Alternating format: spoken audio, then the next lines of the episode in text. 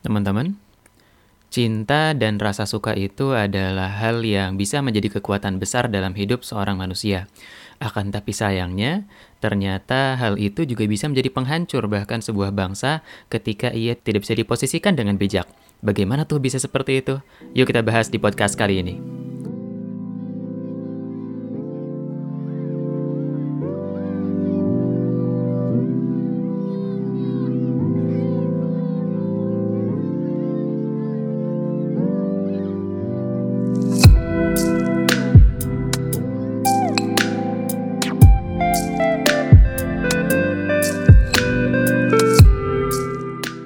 Teman-teman, ceritanya menurut Asa, saat ini Indonesia sedang berhadapan dengan krisis kebijakan cinta. Kok bisa seperti itu? Karena cinta kepada bangsa itu teraktualisasi dalam berbagai macam tipe dan cara oleh setiap orang atau elemen dalam bangsanya, akan tetapi tidak diposisikan dengan bijak. Alih-alih itu menjadi energi yang membangun bangsa, ternyata hal itu justru menjadi energi yang kontraproduktif dengan usaha membangun bangsa Indonesia. Kenapa sih bisa kayak gitu? Mari kita ingat kembali nasihat dari Rasulullah Shallallahu Alaihi Wasallam. Beliau pernah berkata kepada kita, Habib Habib haulan mak. Cintailah kekasihmu itu secukupnya aja. Karena bisa jadi suatu saat ia akan menjadi musuh kita. Dan dibencilah seseorang itu secukupnya aja, karena bisa jadi suatu saat ia menjadi kawanmu. Hal serupa juga disampaikan oleh Imam Ahmad, teman-teman. Yang intinya menyampaikan hal bahwa cinta itu perlu ditempatkan dalam posisi yang bijak. Kita tidak terlalu besar cintanya sehingga kita akhirnya lupa untuk melihat sisi buruk. Kita juga membenci seseorang atau sesuatu itu dengan berlebih sehingga kita tidak bisa melihat kebaikan dari orang tersebut. Itulah yang terjadi di Indonesia saat ini. Dan dalam beberapa fenomena belakangan, terlalu besar mencintai atau membenci itu bisa membuat kita akhirnya tidak bersikap rasional, teman-teman.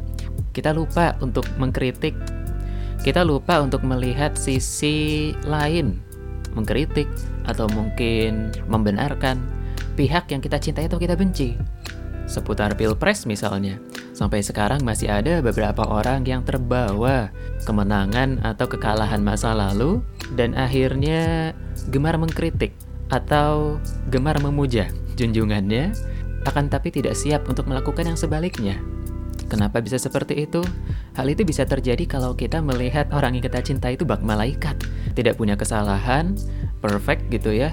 Serba apa yang diberikan olehnya adalah kebaikan, akhirnya kita nggak bisa bijak melihat sesuatu. Termasuk juga ketika kita membenci seseorang. Ketika ia memiliki kebijakan yang baik, ketika ia memiliki sesuatu yang baik, kita tidak bisa bersikap dengan adil untuk memuji mendukungnya. Akhirnya usaha-usaha untuk membangun bangsa Indonesia yang sehat ini jadi tidak konstruktif karena gaya yang kita punya untuk membangun bangsa ini amat banyak kepentingan. Hal seperti ini bisa membantu kita untuk senantiasa bersikap objektif teman-teman dalam melihat pemberitaan di media atau melihat fenomena di sekeliling kita, termasuk dalam keluarga dan dalam hal-hal lainnya seputar cinta dan benci. Kalau misalnya kita bisa tempatkan ini dengan bijak, pertengahan, kita memposisikan pikiran kita, rasionalitas kita di depan, kita bisa loh membangun iklim yang sehat dalam cinta dan benci. Kita bisa membangun iklim yang sehat dalam membangun Indonesia.